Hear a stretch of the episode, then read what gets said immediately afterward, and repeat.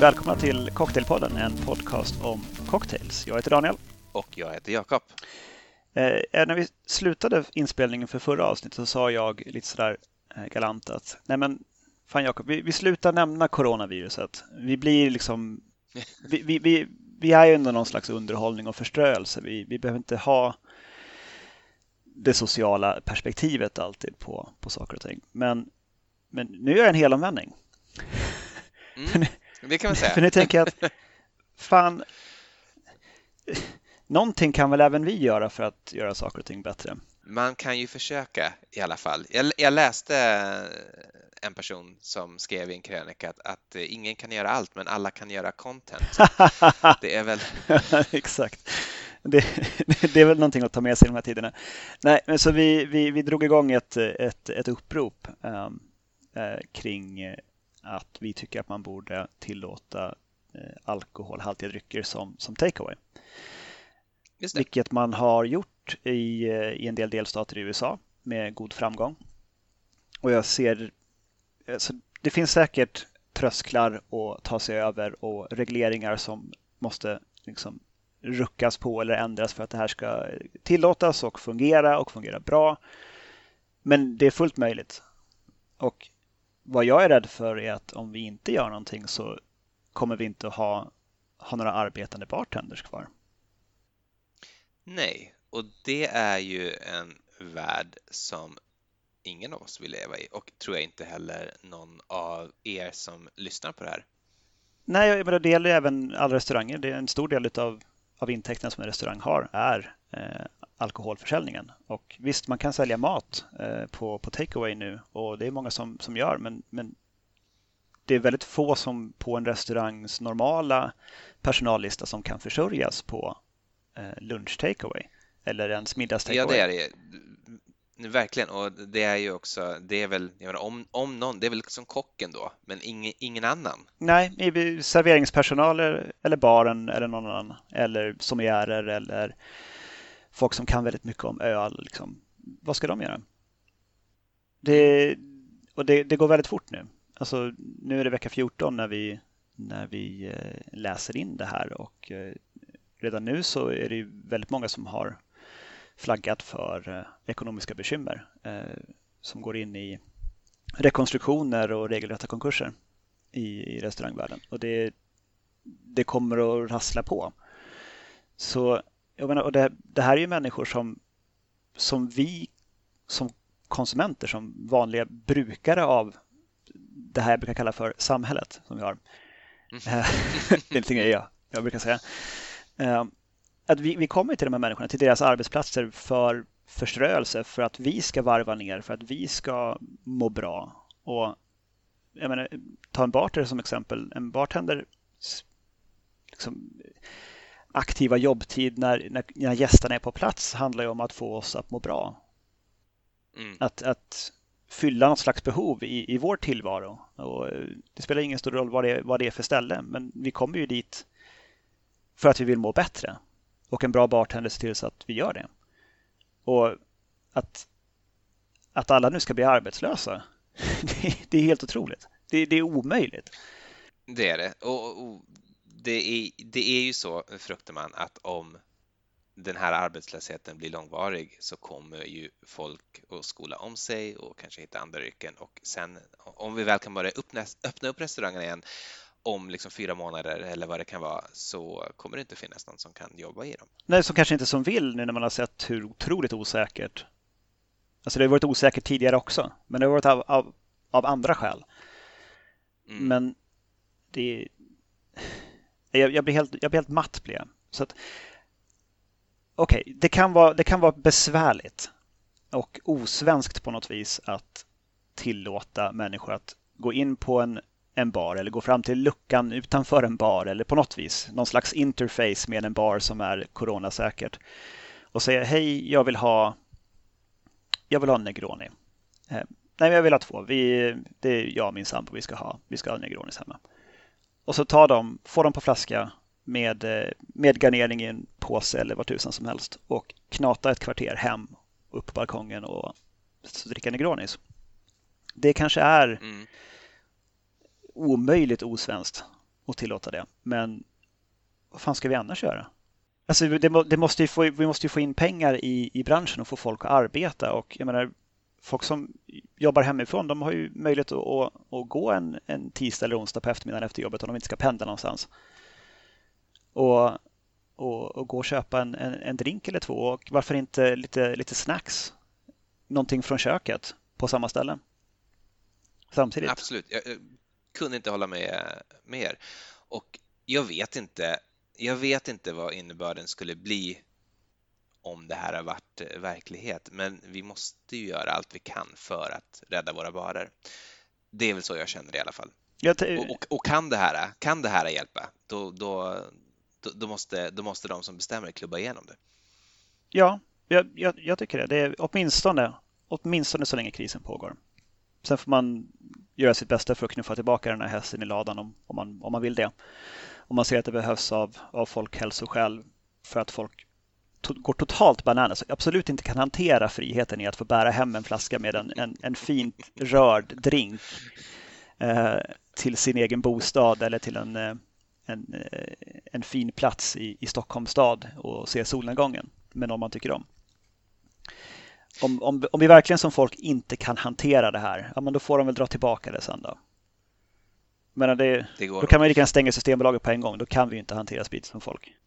Hur tänker du dig rent eh, praktiskt att eh, det ska gå till då? Man, kommer på något coronasäkert sätt som du sa fram till luckan eller bardisken eller kanske till och med ringer eller i en app eller var som helst gör en beställning. Och sen hur, hur, hur får man hem det här och hur ska man liksom få det serverat på ett sätt som motsvarar den kärlek, omtanke och estetik som man kan uppleva i en bra bar? Jo, nej, men som, som, jag ser att det skulle kunna fungera är precis som, som vi säger där att vissa tider som man kan annonsera ut så finns det alkoholförsäljning på tjoget, säg tjoget. Och mm. då, då kan du gå ner eh, och eh, via liksom en, eh, ett öppet fönster eller någon slags sluss i dörren utan att behöva komma i kontakt med andra människor så kan du liksom gå in, säga jag vill ha det här och sen så tillreds de alla minut och läggs på flaska och kommer med dig. Det är perfekt om man ska ha en drink med citrus till exempel till. Och får den fräscht eh, skakad och sen upphälld på, på flaska. Eh, rörda drinkar kan man ju förbereda långt i förväg och förvara kylt, de håller ju länge. Mm. Och sen betalar du och så går du därifrån. I, alltså jag, om man vill dra det hela vägen ut så min, min dröm, min vision är mm. att, eh, jag menar säg, säg att du vill ha du vill ha Beats by Tjoget, den här rödbetsdrinken. Eh, men du, du saknar ett bra glas hemma för att kunna, kunna ta den i. Men Tjoget har jättemycket glas. De har rätt att få in glas från grossister. Fine. Du beställer via någon internetportal eller per telefon eller på plats utanför. Så jag vill ha två Beats by Tjoget, två glas. Och då får du det. Då får du ta med dig det därifrån. Och sen får du liksom slå upp den drinken när du kommer hem sen. Och du kan få med garnering, du kan köpa eh, färdiga klara isbitar från eh, isprogrammen på de ställen som har det.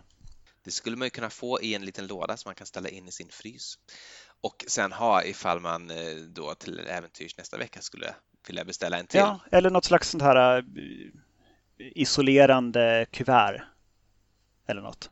Mm. Man kan få, få drinken i det. Eller drinken, isen i en sån sak. och man kan, få, man kan få zest och man kan få skivad citrus eller vad det nu ska vara för, för garnering. Um, någonting sånt. Det skulle ju vara ganska lätt, eh, tänker jag, att ha någon sorts pantsystem på sånt som man bör lämna tillbaka. Eh, till exempel glasen. Om det inte är så att man kanske vill behålla två glas, då kan man väl liksom bara lösa ut dem. Men eh, annars skulle man ju kunna ha en pant som är något högre än vad glaset kostar att eh, skaffa och nytt. Mm. Eh, som man sen då, liksom, när du har tre glas kan du byta in den mot en ny drink eller vad man nu Jo men det, vad man nu som på gamla tiki-ställen, där fick du ofta muggen med din drink. Just du betalade för, för mugg och eh, drink i, i ett svep och det var ju ofta någon signature drink från stället i fråga och deras signature tiki-mugg. Alltså det, allt det här är möjligt. Det, det, finns regleringar idag som, som gör att det inte är lagligt att göra så här.